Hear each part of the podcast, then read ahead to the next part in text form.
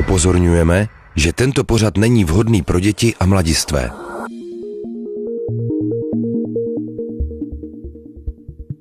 Hey everybody, my name is Pigeon, and you may know me as the person who likes to say that intersex is beautiful. I was born with an intersex. Zdraví na YouTube kanálu svoje followers Pigeon Pagones, nebinární aktivistka, bloger, filmařka a taky člověk, který je intersex. As an person, my body is non-binary. And binary Co vlastně znamená být intersex? A jaký problémy intersex lidi řeší a jaký vzkaz dávají celé společnosti? O tom bude dnešní podcast. Přeju vám fajn poslech.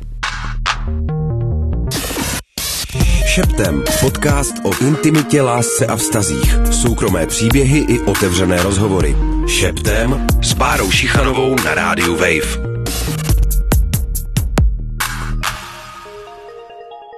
My body is non-binary. And binary just simply means Pigeon, mimochodem jedna z postav na obálce. National Geographic s tématem. Gender Revolution, se narodila s takzvaným syndromem androgenové necitlivosti. Znamená to, že její tělo není binární, to znamená nezapadá ani do jedné ze dvou kategorií muž nebo žena. Jak Pigeon říká, moje tělo má některé mužské charakteristiky, některý ženský a některý intersex. Lékaři při testech v dětství zjistili, že Pigeon má vnitřní varlata. Její intersexualita totálně nabourala představu jejich rodičů o tom, že je normální holka. A Normal Girl je ostatně i název krátkého dokumentu s Pigeon v hlavní roli. I had a feeling throughout my teenage years that something was different and wrong and not quite right about me. I didn't feel normal. I didn't feel like everybody else. I Během puberty jsem měla pocit, že je se mnou něco jinak, špatně. Necítila jsem se normálně. Necítila jsem to, co ostatní. Lhala jsem o tom, že si užívám sex s přítelem, svoje tělo. Věděla jsem, že moje tělo je jiný, ale myslela jsem, že jen nevím, kde je klitoris. Je těžký ho najít. Aspoň tohle se psalo v časopisech. No ale pořád se mi zdálo, že je zatím ještě něco jiného. Sex mě buď bolel, někdy jsem krvácela, nebo jsem necítila vůbec nic.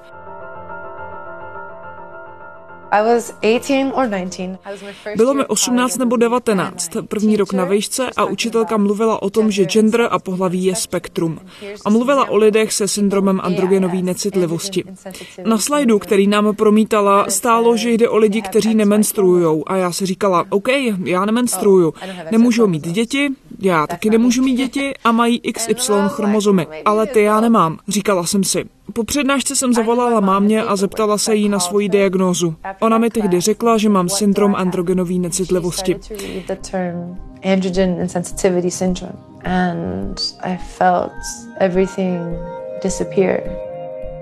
Tohle vypráví Pigeon ve filmu A Normal Girl. Právě po Pigeon jsem sáhla záměrně. Jednak se mi nepodařilo kvůli citlivosti tohohle tématu a s tím souvisejícím obavám eh, k rozhovoru přesvědčit někoho, kdo je intersex z českého prostředí, ale hlavně Pigeon se co by veřejný reprezentant intersex lidí snaží proměnit přístup lékařské praxe právě k lidem, jako je ona.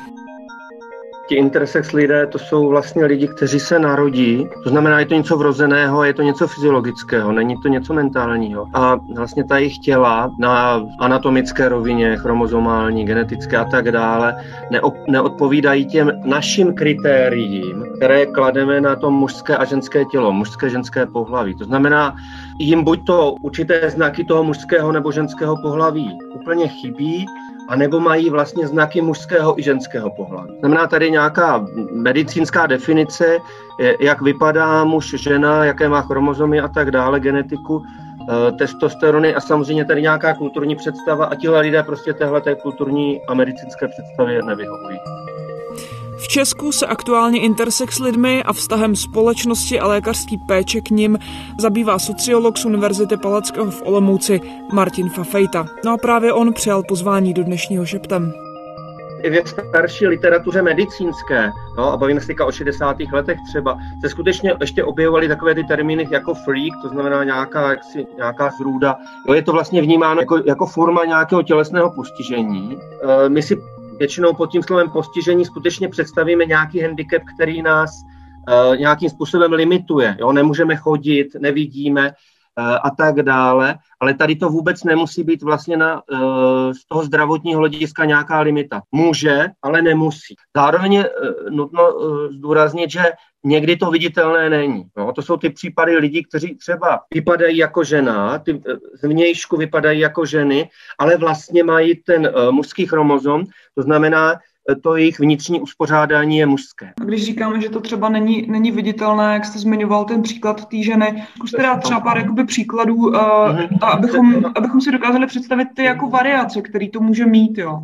Vlastně dítě, eh, když se, když se spojí tedy uh, vajíčko ze spermí, tak se začne vyvíjet plod a Eh, v případě toho mužského plodu se stoupí ta varlata. A tady v případě vlastně, i když ten eh, plod je vlastně mužský, tak ta varlata nesestoupí. Takže ten, ten genitál vypadá jako ženský, když se to dítě narodí, v době, kdy se ještě nedělala, nedělala ta genetická vyšetření, eh, tak vlastně zjistili, že to dítě je intersexuální až v momentě, kdy se začali pídit potom, že nemenstruuje. Nebo respektive to se může stát i dneska taková situace. Říká Martin Fafejta, který se podílí na projektu, který sleduje, jak se k intersex lidem v Česku aktuálně přistupuje. No a sám poznamenává, že když mluví se svými studenty o genderu a souvisejících tématech, tak se často stává, že nejsou schopni rozlišit mezi intersexualitou a třeba i oblastí transgender. Tyhle termíny se jim pletou. To slovo skutečně jaksi obecně eh, o něm není nějaké velké velké povědomí. V medicíně se setkáte i s termínem transexualita, ale vy jste sama použila termín transgender. Znamená, ti lidé, kteří jsou označováni jako transexuální, radši používají nějaký termín transgender jenom, nebo jenom trans. A ten rozdíl mezi transexualitou a intersexualitou je teda v tom, že, že v případě té transexuality, použijeme-li tenhle ten termín, tak se ten člověk rodí mužského nebo ženského pohlaví a vlastně není nějakého sporu, jestli je mužem, biologicky mužem nebo ženou, ale v určité fázi jaksi svého vývoje dospívání uh, začíná zjišťovat, že tedy jaksi vlastně není tím pohlavím, do jeho těla se narodil. No. Když to v té intersexualitě, tam je to vlastně, um, dalo by se říct v uvozovkách, změřitelné, že ten člověk je intersexuál, protože, jak už jsem říkal, to jeho tělo vykazuje vlastně buď to známky obou těch pohlaví, nebo tam naopak vlastně chybí známky obou těch pohlaví. Intersex lidi na rozdíl od trans lidí v českém prostředí nemají přidělenou mentální diagnózu. Tlak na to, aby bylo u daného člověka určený pohlaví, se ale objevuje u obou skupin. U intersex lidí zejména v minulosti často docházelo k operacím už v dětském věku, který později snižovaly sexuální citlivost a nesly sebou celou řadu dalších komplikací. O tom ostatně za chviličku. U těch intersex lidí eh, v Česku musíte do několika týdnů určit pohlaví a eh, napsat ho do rodného listu, takže tam samozřejmě může být problém, buď to v tom, že vlastně do určité míry ta medicína ten, eh, z těch intersexuálů může dělat ty trans lidi v tom smyslu, že jim třeba přiskne pohlaví, se kterým se oni pak neidentifikují, ale to není ten největší problém. Spíš, spíš je právě ten problém vlastně za každou cenu určit nějaké pohlaví a pak e, velmi často následuje nějaká ta takzvaná korektivní léčba. Bohužel některé ty stavy skutečně jsou život ohrožující, to znamená, je třeba provést nějaký operativní zákon.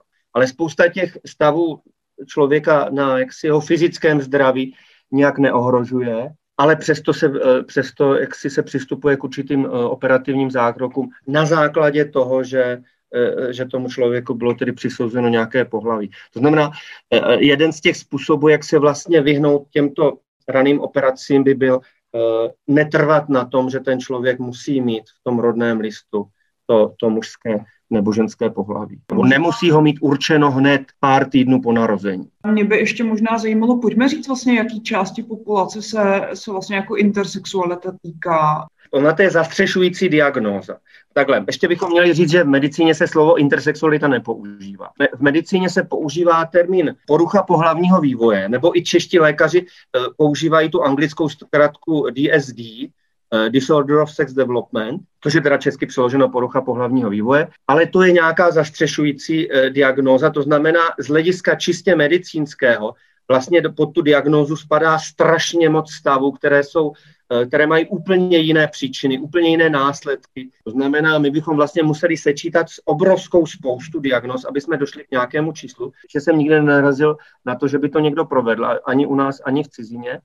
Zároveň, jak říká americká bioložka Anne Fausto Sterling, tak ta říká, v každé té populaci je ten výskyt jiný. Máme tady populace někde v Latinské Americe a teďka se bavím skutečně o malých populacích, třeba čítajících několik vesnic. Může být třeba i 10% takových dětí. Tam je zajímavé, že oni jsou na to zvyklí a je to vlastně pro nich jako nějaká rozšířená norma. Ale ona má takovou jako uh, pro tu americkou populaci, která je velmi geneticky rozmanitá jako celek, tak má takovou pomůcku, že říká, těch intersex lidí je zhruba stejně jako albínů v té americké populaci. To znamená, pokud jste někdy potkali v Americe albína, tak, jste, jak je statisticky stejně pravděpodobné, že jste potkali uh, toho intersexuálního člověka.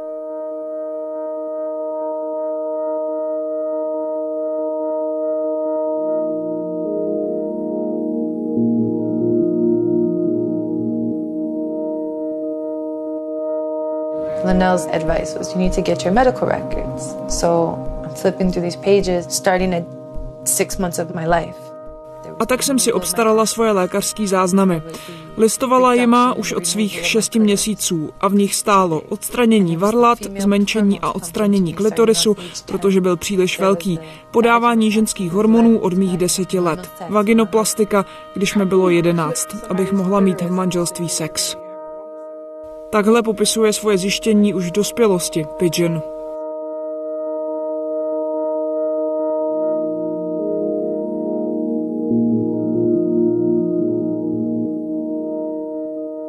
Když se teda podíváme na to, co vlastně jako intersex lidi nejvíc trápí v momentě, kdy tam jako dochází k nějakým jako lékařským zákrokům a teď je samozřejmě otázka, jestli ty zákroky jsou v případě třeba velmi raného věku nevyhnutelný, nezbytný, anebo jestli jsou naopak jako spíš kosmetický a tak dále, tak eh, když bychom to zase měli třeba ilustrovat na nějakém jako příběhu nebo příbězích jako konkrétních lidí, tak a co, co všechno vlastně jako tohle potom obnáší z hlediska toho jako života budoucího?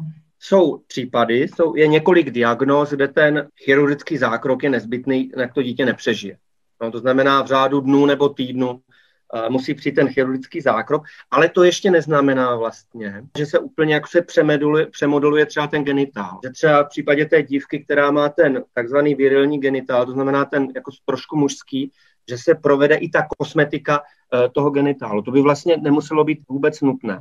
A problém je teda v tom, že, že vlastně se začínají, že se i v tom raném věku provádí kosmetické operace. I když tady je zase nutno dodat, že přeci jenom to, co se v, třeba v těch 80. letech dělalo naprosto rutině a nikdo na tom nepřemýšlel, prostě tohle se ufikne, tohle se přidělá a tak dále, tak dneska je ta medicína mnohem a mnohem opatrnější. A takové nějaké naprosto až skandální případy, Eh, kdy se eh, rodí chlapec s takzvaným mikropenisem a medicína usoudí, že by teda nemohl čurat ve stoje, to znamená, ostatní chlapeci a muži by se mu posmívali, tak z něj radši uděláme dívku. Prostě mu ufikneme ten penis hmm. a utvoříme nějakou díru, protože ta se nám, jo, a zase používám skutečně ty termíny, tu díru, protože prostě to je jednodušší udělat díru. Takže tam samozřejmě to je obrovský zákrok, eh, zásah do toho, do toho nejen do toho lidského těla, do té sexuální citlivosti, do, do schopnosti, možnosti se reprodukovat, ale samozřejmě obrovský zásah eh, do toho psychického vývoje toho jedince. A pak se nemůžeme divit, že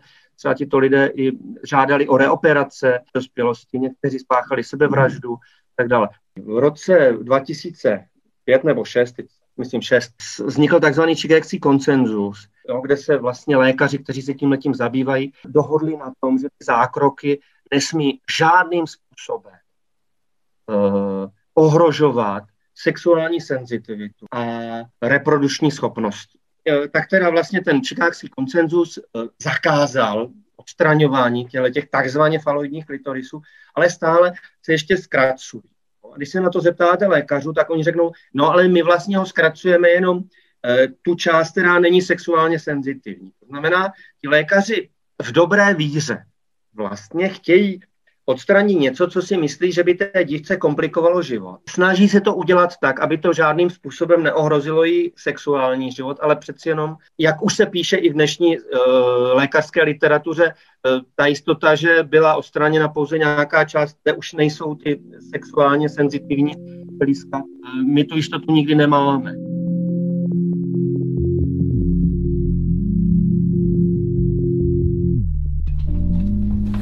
Hi. How are you? I started noticing a difference about a year old when I would change Pigeon's diaper. They would urinate Poprvé jsem si něčeho všimla při přebalování, když byl Pigeon Rock. Když čurala, byl to proud do výšky. Přišlo mi to zvláštní a zmínila jsem se o tom lékaři, který nás poslal ke specialistovi. Doktor řekl, že má nateklé genitálie, které nevypadají normálně. Šli jsme do dětské nemocnice a tam nám řekli, že místo vaječníků má jenom tkáň a že ta se může rozkládat a z toho může vzniknout rakovina. No a takhle to je. No a já na to, jak mi zachráníte moje dítě. Well, that was it. You hear that? Svěřuje se v dokumentu A Normal Girl Lori, máma Pigeon. A teď vlastně ve světě se už jako několik let vedou uh, debaty o tom, kdo by měl vlastně rozhodovat jako za to dítě, respektive, že by se mělo počkat, než z toho dítěte se stane člověk, který je schopný nějakého jako vlastního rozhodování uh, o svém těle, aby právě mohl uh, o těchto třeba operativních jako zásazích nějakým způsobem jako rozhodnout a nerozhodovali třeba za něj rodiče, kteří pod tlakem třeba lékařů právě kývnou na tyhle ty jako druhy operativních zásahů a podobně. Jak vlastně se na tohle třeba dívá Česko a česká praxe? Já bych tady ještě upravil jednu věc. Ono se velmi často i v literatuře říká rodiče pod tlakem lékařů, ale ono to je většinou hmm. naopak. Rodiče chtějí mít to normální dítě, a vy, vy jste doktoři, vy to umíte přece, no je to porucha, nazýváte to poruchu, tak to přece umíte napravit. Jo, to není story o nějakých jaksi doktorech Frankensteinech, ale je to o tom, že ti, že ti nešťastní rodiče, kteří skutečně si mohou trpět těžkými depresemi, jo, tak můžou, můžou na ty lékaře tlačit a vůbec všichni jsou vlastně pod obrovským sociálně kulturním tlakem.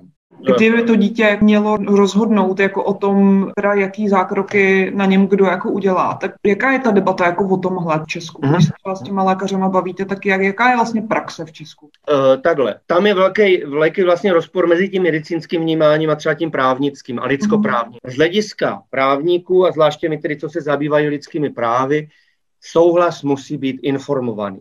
Pokud ta operace není urgentní, kde se samozřejmě nemusí nikdo nikoho ptát, zachraňujeme-li život, tak musí přijít informovaný souhlas. A teďka e, to je strašně moc o interpretaci. I proto to je pro mě strašně zajímavé jako pro sociologa. No, protože e, každý si představí něco jiného pod slovem urgentní. Urgentním z hlediska některých lékařů může být i stav vlastně, kdy hrozí nějaké psychické poškození. Ne nějaká, nějaká rakovina nebo prostě to, že to dítě zemře na přesolení organismu, což při, při jedné té intersex diagnoze může nastat. Ale oni říkají vlastně, ten stav je urgentní v tom smyslu, že to dítě natolik vybočuje z těch kulturních norem, že by bylo pod tak obrovským sociálním tlakem, že by nemohlo ten jeho psychický vývoj, proto my musíme za, zakročit. Jo? A já pak, když jsem se zeptal, takže kdyby se změnil pohled společnosti, tak by už ten stav nebyl urgentní. Oni říkají ano. Když se vám podaří změnit pohled společnosti, tak my tyhle operace už dělat nebudeme. Mm-hmm. To znamená, první věc je ta urgentnost. Jestli to je jenom na rovině nějaké fyziologického zdraví, nebo jestli to je na rovině psychického zdraví, každý interpretuje jinak, co je vlastně nebezpečné pro to dítě. Jo, každý si jinak interpretuje, jak je ta společnost hodně nebo málo tolerantní, a tedy a tedy.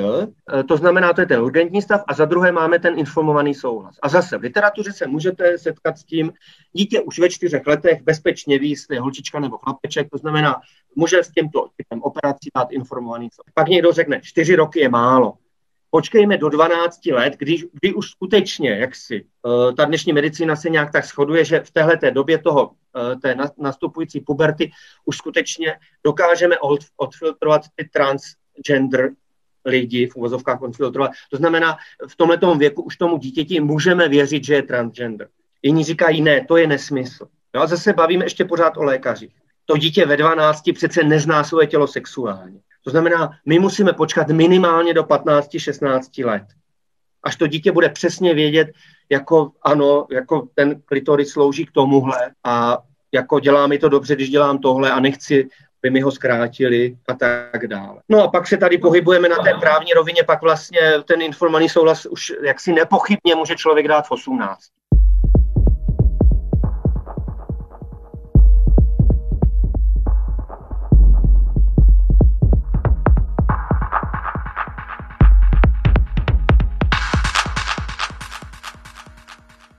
žijeme v kultuře, která prostě vidí muže, vidí ženy, nevidí nic třetího a jako tím způsobem by se spousta těch problémů na té psychické rovině vyřešila, kdyby ta společnost byla otevřenější. No? Kdyby pro ní prostě nebyl problém, že někdo nemá tak úplně mužské nebo ženské pohlavní uh, orgány. Jo? Nedělali jsme z toho nějakou vědu. A já zase jako sociolog uh, zúrazním vliv té společnosti. Ty výzkumy ukazují, že lidé skutečně už dospělí, 18+, plus, kde vůbec nemůžeme pochybovat o jejich právní způsobilosti dát informovaný souhlas, souhlasí s operacemi, které třeba nějakým způsobem snižují sexuální senzitivitu jejich orgánů. Oni chtějí, ty ženy chtějí mít ten uh, klitoris takzvaně normální, já vždycky říkám, že to je nějaký, chtějí mít nějaký porno ideál, a jsou si vědomi toho, že to může jaksi uh, narušit jejich schopnost dosáhnout orgasmu, přesto do toho jdou, protože prostě to chtějí mít hezký. Intersex people in Germany can now legally identify themselves as a third gender under a new law. Those who are born with both male and female sex characteristics can choose the category diverse on official documents. A ještě by mě vlastně zajímala jedna věc. Um, protože existují země, které uznávají kategorii intersex v rodném listě. Může možná něco říct jako k tomuhle? Ono, myslím, první země byl buď to Nový Zéland nebo Austrálie a v Evropě to je Německo. To takzvaný třetí pohlaví v tom Německu už je několik let. Ono se to většinou využívá v tom momentu, kdy právě jaksi nepanuje nějaký konsenzus, jestli to dítě, které se narodilo, je chlapeček nebo holčička, tak se tam napíše třetí pohlaví a čeká se a víceméně se počítá s tím, že se to postupem času změní. A, a když se podíváme na výzkumy mezi intersex lidmi, tak, tak vlastně vám stejně obrovský počet těch lidí řekne, že nestojí o nějakou třetí kategorii. Oni se cítí být jako muži, jako ženy. Někteří dobrovolně podstupují různé jaksi korektivní operace té dospělosti. Vlastně to už je jednoznačně jaksi eh, kosmetická chirurgie. Jo? Spousta to člověk nemusí být intersex, aby toužil mít to, eh, to ideální tělo. Tady se osobně trošku obávám toho, že spíš počet těch operací bude narůstat. Že skutečně ten tlak na to tělo nebo na nás, aby to naše tělo odpovídalo nějakému ideálu, čím dál tím větší. Zároveň ale vlastně řešením by právě bylo, aby ta společnost, kultura a tedy i medicína změnila ta kritéria, vlastně tu množinu, tu, eh, kam se vejde to mužské nebo ženské tělo. Protože ono, jak říkám, jo, to, tu možnost toho třetího pohlaví nakonec volí relativně málo lidí. Ale samozřejmě, eh, pokud to někomu vyhovuje, a ten člověk vůbec nemusí být intersex nakonec. Máme tady lidi, kteří se cítí být nebinární, proč by si nemohli zvolit nějaké, nějaké třetí pohlaví eh, a tak dále. Možná ještě vlastně my tady bez nějaké reflexe používáme ten termín intersex. Já jsem eh, říkal už na začátku, že medicína ho nepoužívá. Já když mm-hmm. jsem se ptal lékařů, proč nechtějí používat termín intersex, oni ho vnímají v tom doslovném překladu jako mezipohlavnost. Oni říkají, mezipohlavnost je absolutní výjimka. To znamená, podle nich to je kategorie naprosto ne- nepřesná, proto, proto nesmyslná. A zdůrazňuji to, co jsem vlastně říkal teďka já, většina z těch lidí jsou muži nebo jsou ženy. Tady je celkem zajímavé, že Cheryl Chase, což byla zakladatelka jedné z těch prvních aktivistických skupin ve Spojených státech amerických v 80. letech, která začala používat termín intersex, tak ona před nějakými 15 lety přestala používat s tím, že právě říkala, ale vlastně lidé mají tendenci to dávat třeba na stejnou rovinu jako homosexualitu a tak dále. Nejenom, že tam tedy vidí tu sexualitu a ptají se teda, tak v čem jste teda sexuálně jiní než, než heterosexuálové, ale zároveň vlastně začala říkat, ale to přece jaksi, to není nějaká charakteristika naší identity. Zatímco dejme tomu lidi, co jsou uh, gejové lesby, uh, tak tomu mohou tu svou sexuální orientaci považovat za velmi silnou část jejich identity.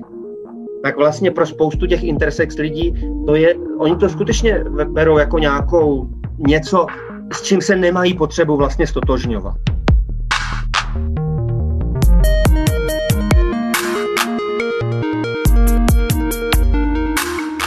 Říká sociolog Martin Fafejta, který se aktuálně kromě jiného věnuje výzkumu intersexuality v Česku. Téma to je určitě hodně široký, možná, že se k němu ještě příště vrátíme a to z úplně jiného úhlu. Vy se mějte dobře, díky moc, že jste poslouchali a těším se na vás za týden. Ciao. Šeptem. Podcast o intimitě, lásce a vztazích. Šeptem. Podcast, který se nestydí. Poslouchejte na wave.cz lomeno šeptem nebo se přihlaste k odběru na wave.cz lomeno podcasty a poslouchejte ve vašem mobilu, kdykoliv a kdekoliv.